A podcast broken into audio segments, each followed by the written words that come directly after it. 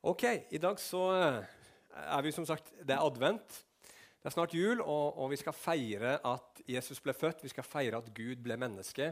Og Derfor har jeg lyst disse eh, søndagene som eh, går fram mot jul, til å fokusere inn på nettopp det spørsmålet. Hvorfor ble Gud menneske? Sånn at vi kan tenke på det, sånn at det kan bli større for oss, og sånn at denne tiden her, som jo er advent og jul, og som vi feirer med en hensikt, faktisk kan bli fylt med litt mer mening og innhold enn bare ribbe eller unnskyld, pinnekjøtt. Beklager. Og, og, og, og eh, presanger og, alt det der. Det er liksom en høyere hensikt, og det er det som er hovedpoenget. Vi feirer at Gud ble menneske. Og eh, Det som jeg kommer til å gjøre disse neste søndagene, det er å snakke om tre roller som Jesus kom for å fylle. Jesus Kristus, sier vi. Kristus det er et synonym for Messias, og det betyr den salvede. Og Jesus kom som den salvede. Og hva betyr det? Jo, det var tre grupper mennesker i Det gamle testamentet som ble salva når de skulle inn i tjenesten sin. Det var kongene, og så var det prestene, og så var det profetene. Og Når Jesus kommer til jorda som Messias, så kommer han ut ifra de profetiene vi ser i Det gamle testamentet, som konge, som prest og som profet. Og Det skal vi bruke litt tid på nå fram mot jul, og se på Jesus. Og i dag eh, som konge, prest og profet, og i dag skal vi begynne med Jesus som vår profet. Og Jeg har tre hovedoverskrifter i dag knytta til det. Det første er at sannheten er nødvendig. Og Det andre er at sannheten er vanskelig. Og det siste at sannheten er tydelig og nydelig. Og For å snakke om Jesus som vår profet så skal vi gå til 5. Mosebok og kapittel 18. Og så skal vi lese fra vers 9 til 22 i Jesu navn. 5. Mosebok 18, vers 9-22. Da leser vi Jesu navn. Når du kommer inn i det landet som Herren din Gud gir deg, skal du ikke lære å gjøre etter styggedommene til folkeslagene som er der. Det må ikke finnes noen hos deg som lar sin sønn eller sin datter gå gjennom ilden, eller en som driver med spådom, eller en tegntyder, eller en som tyder overnaturlige varsler, eller en trollmann, eller en som kaster besvergelser, eller et medium for åndemaning, eller en som driver med spiritisme, eller en som påkaller de døde. For hver den som gjør dette, er en styggedom for Herren. På grunn av disse styggedommene driver Herren din Gud dem bort fra ditt ansikt. Du skal være all ulastelig for Herren din Gud. For disse folkeslagene som du skal drive bort, hører på tegntydere og spåmenn. Men for deg har Herren din Gud ikke tillatt dette. En profet som meg skal Herren din Gud oppreise for deg fra din midte, fra dine brødre. Ham skal dere høre på. Det var alt du ba Herren din Gud om ved Horeb på sammenkomstens dag, da du sa:" La meg slippe å høre lenger på Herren min Guds røst, eller se denne mektige ilden, for da må jeg dø. Og Herren sa til meg, det de har sagt, er rett. En profet som deg skal jeg oppreise for dem blant deres brødre. Jeg skal legge mine ord i hans munn, og han skal tale til dem alt det jeg befaler ham. Da skal det skje. Hver den som ikke hører på mine ord, som han taler i mitt navn, det vil jeg kreve ham til regnskap for. Men den profet som egenrådig taler ord i mitt navn, som jeg ikke har befalt ham å tale, eller som taler i andre guders navn, den profeten skal dø. Hvis du sier i ditt hjerte, 'Hvordan skal vi kjenne hvilket ord det ikke er Herren som har talt?' Hvis en profet taler i Herrens navn, dette ordet ikke skjer eller inntreffer, da er det ikke et ord som Herren har talt. Egenrådig har profeten selv talt det, men du skal ikke frykte for ham. Ja, kjære himmelske Far, vi, vi kommer til deg igjen her i denne adventstiden, Herre, fordi at vi ønsker, Herre, å kjenne deg bedre, Herre. Vi ønsker at denne adventstiden, Herre, som har blitt satt av i den kristne kirke fra tidenes morgen av, nesten, iallfall siden Jesu tid, eller siden den første menighetstid. Den ble satt av, Herre, til å søke deg, Herre, til å grunne på og grave dypere i disse sannhetene, Herre. Ikke for å få et større hode og få mer kunnskap, først og fremst, men for å få et varmere hjerte. For å kjenne deg bedre, for å elske deg mer og elske vår neste mer. Også. nå ber jeg deg, Herre, i Jesu navn, at de ord som du har lagt på mitt hjerte i dag, Herre, dette budskapet om Jesus Kristus som vår profet, at det skal synke inn at det skal røre ved oss, at det skal bli åpenbart, at du skal hjelpe meg å si det, Gud, at vi skal komme ut ifra denne gudstjenesten i dag med en større visjon, et større bilde av hvem du er. Et hjerte som er brennende for deg, Herre, og som er villig til å tjene. I Jesu Kristi navn. Amen. Ok, Kanskje en litt uh, rar tekst å dra fram i adventstiden. Men uh, som dere hørte her, dette er en, en, tekst om profeter. Og det som Gud sa Vi skal begynne med første punkt. Sannheten er nødvendig. Og det som Gud sa, det var at nå som israelsfolket var i ferd med å gå inn i det lovede landet, inn i det landet som skulle flyte over med melk og honning, det skulle være et overflodsland, og her skulle Gud velsigne israelsfolket, sånn at de kunne være en velsignelse for alle folkeslag. Men idet de var liksom på, ferde, inn i dette landet, her, så var det en fare. Nemlig det folket i landet som, som bodde der fra før av. Det var et ugudelig folk som måtte drives ut. De drev med uh, umoral, de drev med avgudsdyrkelse og ikke minst som vi så her, med masse okkultisme. Og Dette her hadde potensialet i seg til å føre Guds folk inn i synden og bort ifra Gud. Det var den faren de sto overfor. Og Idet de går inn i landet, hva er Guds løsning? Hva er det Gud sier at når dette skjer, når dere kommer inn og møter på dette folket som lever på denne måten, hva skal hjelpe dere? Og det Gud sier da, det er at i sånne situasjoner så skal han reise opp en profet iblant folket. Og så skal Gud legge sine ord i munnen på den profeten. Og så skal denne profeten tale i Guds navn, og så skal folket lytte til denne profeten. Altså Ved å lytte til Guds ord så skulle det beskytte folket fra å bli forført av den ugudeligheten som var i landet som de var på vei inn i. Så hva forteller dette oss? Jo, hvis det var sånn, hvis, hvis Gud sier at når dere kommer i et land fullt av ugudelighet, så er kuren at dere får høre min sannhet, så forteller det oss at bak vår ondskap og vår synd som menneskehet så ligger det skjult en annen virkelighet, nemlig løgnen. Løgnen ligger bak. Og Derfor så reiser Gud opp profeter gjennom hele Det gamle testamentet. Når du leser Det gamle testamentet, så er det jo det, det er profetenes skrifter ikke sant? som Gud reiser opp hver gang folket kommer bort ifra Gud, glemmer de ordene som han hadde åpenbart med Moses. Så reiser Gud opp disse profetene, som er hans stemme, som taler hans ord til folket. Og Det er det vi har som sagt i GT i dag. Og Gud han tar det her på stort alvor. Han sier at hvis det står fram en profet som taler det jeg ikke ville ha sagt, eller det står fram en profet og taler i en annen Guds navn, så skal den profeten dø. For Gud så er spørsmålet om løgn og sannhet et spørsmål om død eller liv, forstår vi her.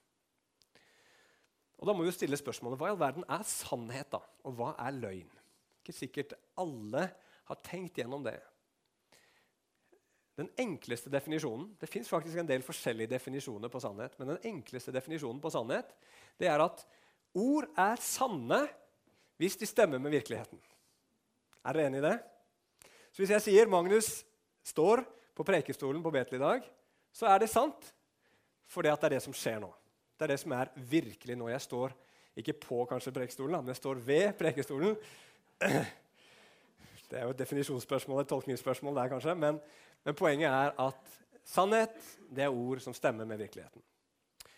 Løgn, derimot, det er når man bruker ord til å bevisst gjengi virkeligheten på en falsk måte. Man sier noe som ikke korresponderer med virkeligheten, og da er det som oftest med en hensikt bak.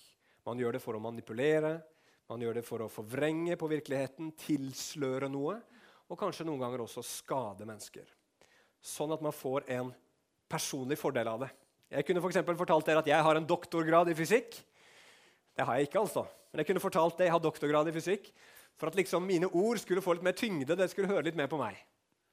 Eller jeg kunne kanskje sagt til andre et eller annet om en annen person, at den personen hadde svin på skogen av et eller annet slag, for å skade den personens rykte og kanskje fremme min egen sak.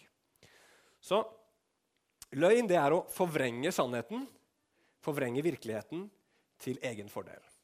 Og Bibelen forteller at løgn kommer fra djevelen.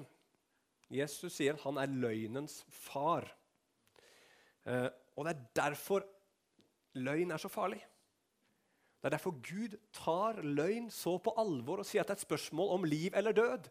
Fordi løgn i begynnelsen var designa for å føre mennesket bort ifra Gud. Det er hele hensikten med løgnen. Den fører til død. Både åndelig død og evig død. Og så er det spesielt å leve i den tiden vi lever i nå. Og det er faktisk sånn at En del samfunnsforskere nå har jeg brukt litt tid til å studere dette uka som gikk, eh, kaller den tiden vi lever i nå, for en post-sannhet-tid. Og Det har ingenting med posten å gjøre, men det har med det latinske ordet 'post', som betyr etter, å gjøre. Etter sannhet. I 2016 så var årets ord eh, i jeg, Cambridge eller Oxford-ordboken eh, var 'post-truth'. Så etter sannhet. Vi lever i et samfunn som er etter etter sannheten, eller hvor sannheten ikke lenger er så viktig. Det preger samfunnet i dag, sier samfunnsforskere. Og hva, er, hva slags eksempler har vi på det? Jo, tenk på Donald Trump. Han er kroneksempelet på det. Hvordan holder han på? Jo, han eh, kan si én ting på et tidspunkt, og du har det på lydopptak og det er på videoopptak, og så tre dager etterpå så benekter han at han i hele tatt har sagt noe i nærheten av det en gang. Og det som er bemerkelsesverdig, er jo ikke det at folk lyver, for det er jo ikke noe nytt. Men det som er bemerkelsesverdig, er at han gjør det så åpenlyst, og at folk ikke reagerer mer på det enn det de gjør.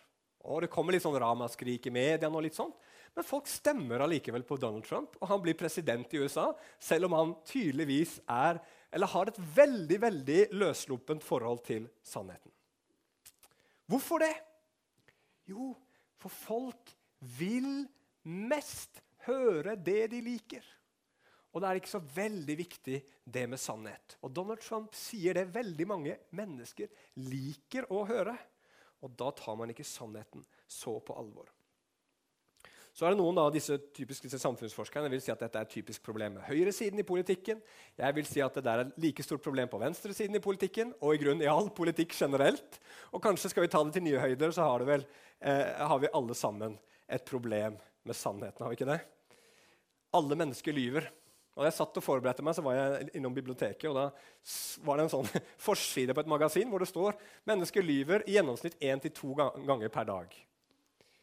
Det er uh, rett og slett uh, folk som har forska på. Og ikke nok, så, ikke nok, med at vi lyver, men vi tror veldig lett løgn også, vi mennesker. Uh, nyere forskning har vist at det er noe som heter det er engelsk igjen da, confirmation bias. heter Det på engelsk. Det betyr at mennesker hører helst det de vil høre. Og De har brukt millioner av kroner på å forske på dette her og finne ut noe som alle foreldre vet som har hatt barn i huset, at barn hører, barns ører fungerer mye mye bedre når, når foreldrene sier 'nå skal vi spise is', enn når foreldrene sier 'nå må du rydde rommet ditt'.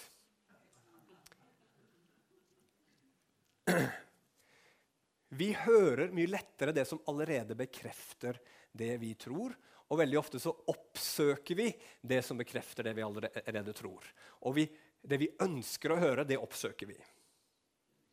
Og så er det jo da sånn at hvis, hvis, det er sånn med oss mennesker at vi gjerne vil høre visse ting, så er det noen mennesker som utnytter det ikke sant? og sier det folk vil høre, og så får de makt og innflytelse.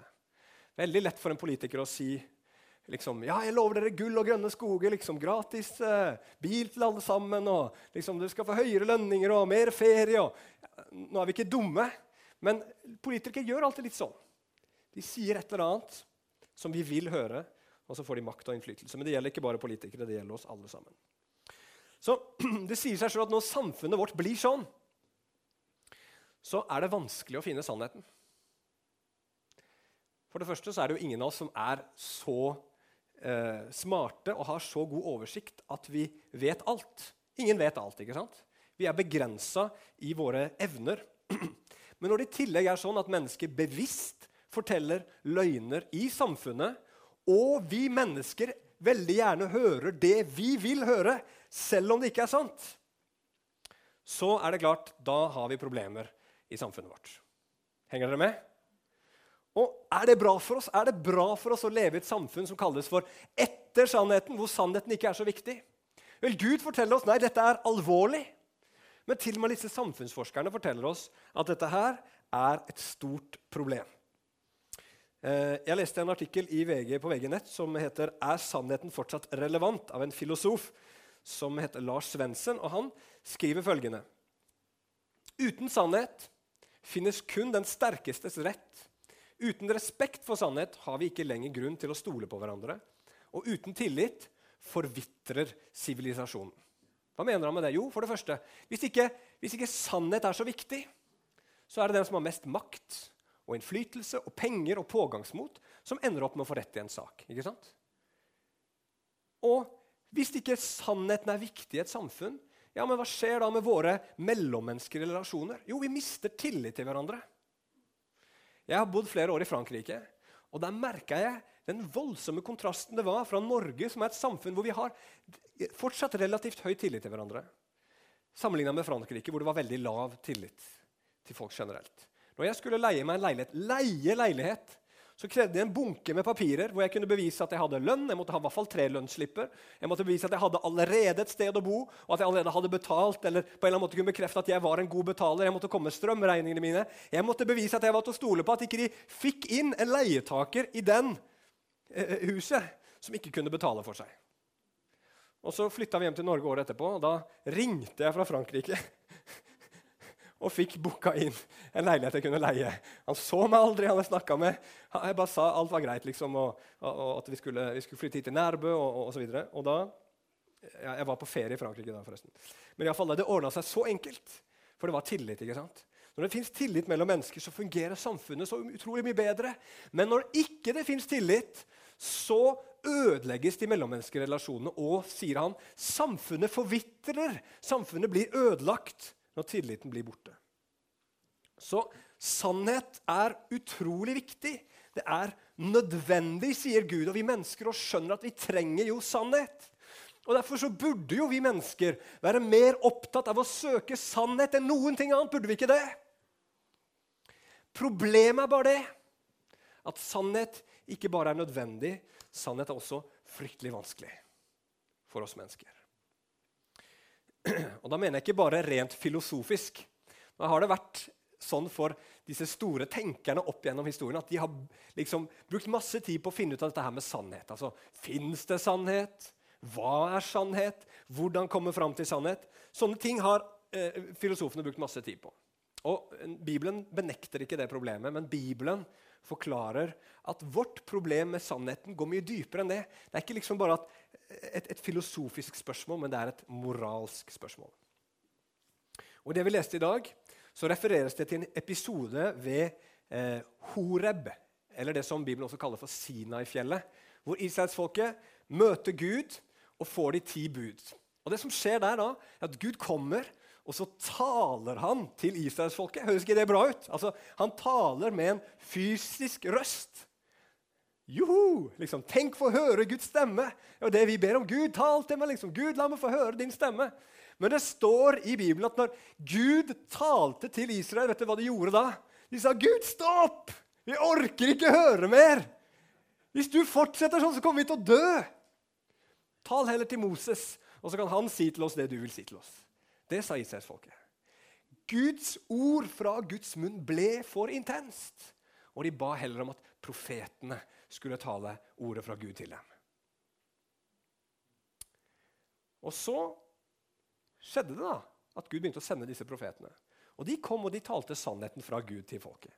Men hva gjorde folket med profetene? da?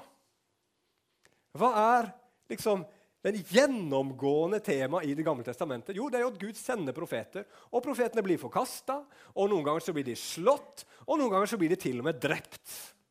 Profetene er ikke ønska. Sannheten er et stort problem. I stedet for så lytter israelsfolket til de falske profetene. Og da har det jo nettopp skjedd at israelsfolket har blitt som folket i Kanaan. For hva gjorde de, leste vi teksten her? Jo, de lytta til spåmenn og til tegntydere. Og Hvorfor gjør mennesker det? Hvorfor, hvorfor lytter man til de som ikke snakker sant? Ja, Vi har vært litt inne på det, men la oss komme inn, inn på det fra en annen vinkel. Eh, spåmenn, det var det de lytta til i Kanan. Det fins en del av det i Norge i dag også. Eller kanskje helt spåkoner. I 2014 så brukte vi nordmenn ca. 150 millioner kroner på det. Og, og, og det er visst en økende, økende, bransje. da. Men ja, verden, hvorfor oppsøker folk dette? Hvorfor går folk i spåkone liksom, for å få spådd framtiden sin og diverse? Vel, jeg, eh, nå var jeg på kk.no igjen, eh, sånn som jeg var her tidligere, og så leste jeg en artikkel nettopp om det temaet. Her, her er det et sitat fra en, en dame da, som, som, går til spåkoner. Hun går til to forskjellige spåkoner, og så sier hun det om disse to. da. Hun ene er skremmende dyktig, sier venninnen min. Altså Hun forteller om en venninne som er anonym. selvsagt. Og hun andre hun bommer ganske mye på fakta, men jeg liker å gå til henne, for jeg føler meg alltid så bra etterpå, sier hun. Hva er det hun sier for noe? Hun sier jo, sannhet er bra, det. Men det er også veldig viktig for meg å føle godt og få en god følelse. Eller som Bibelen ville sagt, høre det som klør meg i øret. Hvorfor oppsøker vi mennesker sånne ting? Jo, kanskje vi kan oppsummere det med å si at vi mennesker vi har en lengsel etter å være OK. Jeg vil høre at jeg er OK. At noe godt er i ferd med å skje med livet mitt. Det er jo derfor folk går til uh, spåkoner. For å høre ikke sant? alt er bra, det kommer noe bra. det kommer noe bra. Og Hvis du er en sånn type spåkone som kan fortelle det, så tjener du mye penger. Vi mennesker vi ønsker noe som bekrefter vår godhet, og vi ønsker noe som kan gi oss håp for framtiden. Og det er jo helt fint det hvis sannheten er at jeg er OK. Og Hvis sannheten er at det er noe godt på veien i livet mitt, så er det jo helt fint. Men hva hvis sannheten er noe annet? Hva hvis sannheten er at jeg ikke er OK? Og at det som er på vei inn i livet mitt, ikke er noe godt, men er dom? Hva da? Da begynner vi kanskje å skjønne hvorfor profeten ikke var så veldig populære. For det var nettopp det de kom for å si. De kom for å si alt er ikke ok. Dere er ikke ok. Og hvis dere fortsetter sånn, så kommer Gud til å dømme dere. Da var det lettere å lytte på de falske profetene eller på spåmennene. Nå hadde ikke disse her eh, profetene bare et budskap om dom. De kalte folket til omvendelse og sa, 'Vend om til Herren igjen! Gå tilbake til Han, så skal Han tilgi syndene deres.' Så skal det komme velsignelse. Men det var liksom lettere å høre på det budskapet hvor du ikke trengte å gjøre noe. Hvor du bare kunne bli bekrefta som god her og nå og få håp om noe godt her og nå, uten at du trengte å gjøre noe som kosta. Og det var det vi var inne på i stad. Confirmation bias. Dagens forskning viser at vi gjerne vil høre det som vi ønsker å høre. Men problemet er at sannheten, virkeligheten, forteller Gud, er at alt er ikke ok. Og det er dom på vei for hvert eneste menneske. Det er den sannheten som Bibelen åpenbarer. Og så har Vi jo det problemet også, at vi vet jo ikke alltid hva vi skal tro. Sant? Vi lever i en verden hvor folk sier så mange ting. Hvem skal vi tro på? Hvem skal vi lytte til? Hvem har sannheten? Og så blir vi ganske kyniske, for alle påstår at de vet sannheten. Og så motsier de hverandre, og ikke minst ekspertene. Så hvis dere skal være eksperter på det her, er jo ikke enige engang. Så hvem skal vi høre på? Hvor skal vi få sannheten ifra? Og Gud han løste det problemet for israelsfolket ved å si til dem at når det kommer en profet, så skal du ikke bare automatisk lytte til ham, men først skal du høre hva denne profeten sier. Og Hvis han forteller om noe som skal skje, så skal du sjekke om det den profeten sier, faktisk skjer. Og hvis det skjer, som den profeten har talt, da kan du være sikker på at han er sendt av meg. Så når Moses kom, så sa han Gud skal fri dere ut av trelldommen i Egypt med store tegn og under. Og så gjorde Gud det, akkurat som Moses hadde forutsagt, ved Moses sin hånd. Og Dermed så var det bekreftet at han var fra Gud, og han var sendt fra Gud, og de ord som han talte, var Guds ord. Og Det som skjedde etterpå Moses, var at når det kom profeter, så kom de med konkrete budskap. Og så var det konkrete ting som skulle skje, og så skjedde det. Og så ble det godkjenningsstempelet fra Gud. Denne profeten er fra meg. Så sannheten skulle bekreftes på den måten. Men så forteller Bibelen også at det fins et åndelig problem med sannheten. Og det er at det fins en djevel. En ond makt i denne verden som vi hørte om i sted, som har som mål å forblinde menneskers øyne. Som har som mål å bringe mørke, ikke lys. Løgn, ikke sannhet. Og hans favorittløgner det er følgende Gud fins ikke, og Gud er ikke god. De to løgnene der. Og veldig ofte så tror veldig mange mennesker på begge de to løgnene samtidig. Det er litt rart, for at ateister i dag, som en sa til meg, de, de, de, de sier to ting. Gud fins ikke, og jeg hater han. Av en eller annen grunn så er det sånn at, at, at disse to løgnene fra djevelen går inn samtidig. Du skulle jo tro det at i vårt samfunn liksom, hvor vi sier at Gud ikke fins, det ikke skulle være så mye kritikk av Gud. Men det er jo fryktelig mye kritikk av Gud i dette her, eh, eh, ettersannhetssamfunnet som vi lever i. Og Det man spesielt eh, kritiserer Gud for, er disse dommene hans i Det gamle testamentet, hans moralske standard for sex, seksualitet og hans evige dom. ikke sant? Fortapelsen. Man, man kritiserer Gud enormt. Og hva er det som skjer? Jo, det er løgnens far som er på ferde. Som har vært opp gjennom hele historien, men som han nå gjør i vårt samfunn i dag. Og hva gjør Gud med det her? Jo, i en verden hvor det har vært sånn fra begynnelsen at løgnens far har holdt på, så har Gud sendt profet på profet på profet. På profet. Men til slutt så sender Gud en siste profet. Og det er siste punktet mitt. Sannheten er tydelig og nydelig. Og Da kan dere slå opp i Hebreerbrevet kapittel 1, vers 1-3. Hebreerbrevet 1, 1-3. Der står det Gud, han som i tidligere tider mange ganger og på mange måter talte til fedrene ved profetene, han har i disse siste dager talt til oss ved Sønnen, som han har innsatt som arving til alle ting. Ved ham har han også skapt hele verden. Han er avglansen av hans herlighet og det uttrykte bildet av hans vesen. Han holder alle ting oppe ved sin krafts ord. Da han ved seg selv hadde gjort renselse for våre synder, satte han seg ved majestetens høyre hånd i det høye. Hva står det her? Jo, det står at Gud talte ved profetene i den gamle pakten. Men nå, i de siste tider, altså det endelige ordet har kommet nå. Nå kommer det ikke noe mer fra Gud. Han har talt til oss ved Sønnen. Han er den siste profeten. Og 5. Mosebok 18, som vi leste innledningsvis, blir sitert en gang i Det nye testamentet. som jeg kjenner til, og Det er i Apostlenes gjerninger, kapittel 3, vers 22-23. Og Der sier Peter at når Moses sier 'en profet blant deres brødre skal jeg reise opp', så er det Jesus han prater om. Det var Jesus som var denne profeten som skulle komme. Når Jesus ble født i en stall i Betlehem for 2000 år siden, så sendte Gud sin siste og endelige profet til jorden med den endelige sannheten. Han var ikke bare en profet, og det er ikke det som er poenget mitt å si heller, men han var også en profet. På hvilken måte da?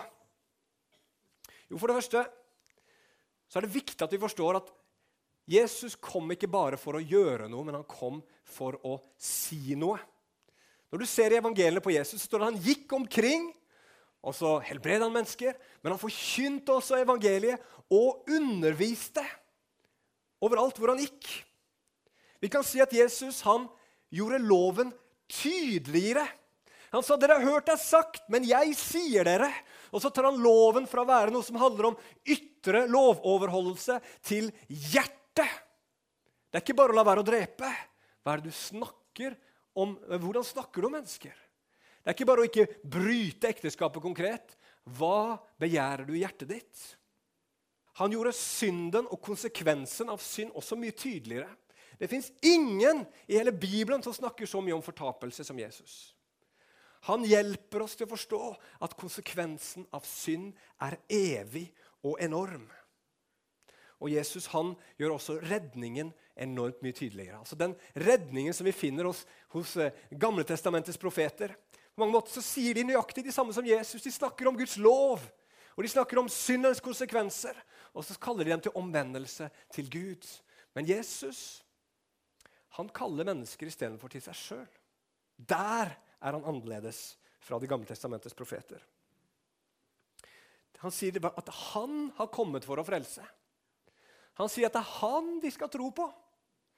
Han sier at de skal komme til han. ikke sant? Kom til meg, alle dere som strever av tunge byrder. Han sier ikke 'gå til Gud', sånn som alle profetene før hadde sagt. Han sier nei, 'kom til meg'.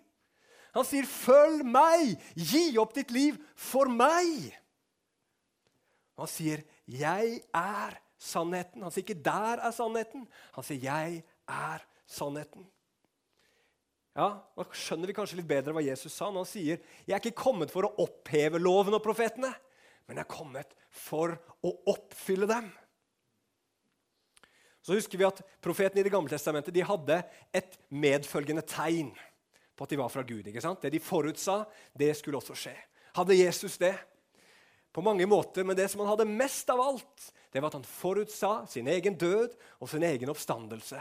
Og jammen sto han ikke opp fra de døde på den tredje dagen. Og Det var så klart mye mer enn et tegn, men det var et tegn òg. Og Derfor skjønner vi hvorfor de første kristne var så ekstremt begeistra for oppstandelsen. De prater om oppstandelsen hele tiden i apostlenes gjerninger, for det var jo selve bekreftelsen på at det budskapet Jesus kom med, at den Jesus var, og at det han hadde gjort, faktisk var sant. Og dere, Jesu oppstandelse er et historisk faktum. Det er en virkelighet, det er en realitet, det er noe som virkelig har skjedd. Og vi kan vite det med stor sikkerhet selv i dag, 2000 år etterpå. Vi kan vite at han døde, vi kan vite at han ble lagt i en grav. Vi kan vite at den graven ble funnet tom, og vi kan vite at de første kristne var overbevist om at de hadde sett Jesus stå opp fra de døde. Og Når man legger to og to sammen, så skjønner man at her må det ha skjedd noe helt overnaturlig. For ingenting annet enn Jesu Kristi oppstandelse kan forklare de faktaene. Så sannheten var tydelig. Jesus var en tydelig røst som forklarte sannheten så tydelig som det går an. Folk skjønte hva han sa, og folk i dag skjønner også mye av det Jesus sier. Men Jesus' sannhet den var ikke bare tydelig, men den var, vil jeg si, siden det rimer, den var nydelig. For vi mennesker vi trenger ikke bare et sant budskap. Vi trenger et budskap som vinner hjertene våre. Mennesker trenger ikke bare et budskap som avslører løgnen og løgnens mørke. Men mennesket trenger et budskap som kan svare på de dypeste lengslene vi mennesker har i hjertene våre. Det trenger vi også. Vi trenger sannheten, men vi trenger noe mer. Og Her kommer Jesus, og så åpenbarer han Guds sannhet på en helt spesiell måte. Og La oss gå nå til Johannes evangeliet, første kapittel. Nå skal vi bare lese to vers der. Vers 1 og vers 14. Johannes 1, vers 1 og 14. Der står det i begynnelsen var Ordet, og Ordet var hos Gud, og Ordet var Gud. Og så vers 14. Og ordet ble kjøtt og tok bolig iblant oss. Og vi så hans herlighet, den herlighet som den enbårne har fra Faderen, full av nåde og sannhet. Da Jesus kom til jorden, da han ble født som et menneske, som deg og meg, så står det her at han kom ikke bare for å gi oss ordet, men han kom for å og han var Ordet som ble kjøtt. Hva betyr det? Jo, det betyr, tror jeg, at det som profetene kommuniserte med ord, det de sa om Gud med sine lepper, om synd, om dom, om kjærlighet, Guds trofasthet og frelse, det kom Jesus for ikke bare å kommunisere med sin munn, men for å kommunisere med alt han var med sitt liv, med sin person. Og Det gir en ekstrem tydelighet og det gir en ekstrem hvis vi kan si det, nydelighet. For eksempel så åpenbarte profeten i Det gamle testamentet at synd førte til dom og død. Jesus han gjorde det legemlig. Han gjorde det tydelig. Han åpenbarte det på korset. I sin egen kropp så bar han syndens konsekvenser. Han viste oss syndens natur og syndens eh, ansikt da han ble en forbannelse pga. våre synder. Ser dere det? Jesus når han henger på korset, så henger han ikke bare der for å betale for våre synder, men han henger der også for å forklare oss, for å fortelle oss hva synden er, hvor ille den er. Er synd ille? Se på korset. Dømmer Guds synd? Se på korset. Og dere vet, når, når, mennesker anklager Gud for å ikke være god, så er det veldig ofte fordi at Gud dømmer. ikke sant? Gud dømmer mennesker, og Han kan ikke være en god, god Gud hvis han dømmer. Men Bibelen vil si at Gud nettopp dømmer fordi han er god. Fordi at han hater ondskap. Fordi han hater det som ødelegger. Derfor dømmer Gud. Altså, Hvilken god dommer i denne verden ville la være å dømme ondskap og opprettholde rett og sannhet i et samfunn? Det er klart Det avslører jo Guds godhet, er at han dømmer ondskap. Men så er det noe sånn at det er ikke vi syndere som dør på korset, men det er Gud selv i sin egen sønn som dør på korset. Hva er det som skjer der? Jo, i Det gamle testamentet så hører vi gang på gang fra profetene, og som Johan var litt inne på innledningsvis også, at Gud han elsker sitt folk. Og han sender dom, men han sender også nåde. Og han viser dem sin trofaste paktskjærlighet om igjen og om igjen og om igjen. Vet dere hva? Når det var Jesus som døde på korset, ikke oss, så er det her Gud åpenbarer. Gud taler om på den mest kraftfulle måten det er mulig om sin kjærlighet. Det er jo fantastisk å kunne si til et menneske 'jeg elsker deg'. Men det vil jo vises da ved personens handlinger om disse ordene bare var ord, eller om det faktisk var noe i dem. En mann som sier til kona 'jeg elsker deg', og så forlater han kona for den første og beste som kommer, viser jo at de ordene ikke betydde så veldig mye. Men betydde Guds ord i Det gamle testamentet noe når han sa at de var hans folk, og at han elska dem med en evig kjærlighet? Ja, på korset. Når Gud blir menneske og dør for våre synder, så er Jesus ordet som åpenbarer på en måte som ord i seg selv ikke har evne til. Bredden, lengden, høyden og dybden i Guds kjærlighet. På korset så blir det så tydelig som det kan bli, at Gud elsker hvert eneste menneske som er blitt født inn i verden. For Jesus Kristus er Guds lam som bærer all verdens synd. Jesus sa, 'Jeg er sannheten'. Og på korset så åpenbarte han den sannheten. At Gud viste sin kjærlighet for oss ved at Kristus døde for oss da vi ennå var syndere. Ser dere hva Jesus som profet gjør? Han er ikke bare en som kom med et ord, men han kom med et liv som taler enda sterkere enn ordene hans. Gud forminsker ikke synden. Han lar ikke være å dømme den. Han er god på den måten der. Men han er også en Gud som ikke lar oss få det vi fortjener, men han gir oss nåde. Vi så Guds herlighet i Jesus, sa Johannes. Full av hva da? Jo, full av nåde og sannhet.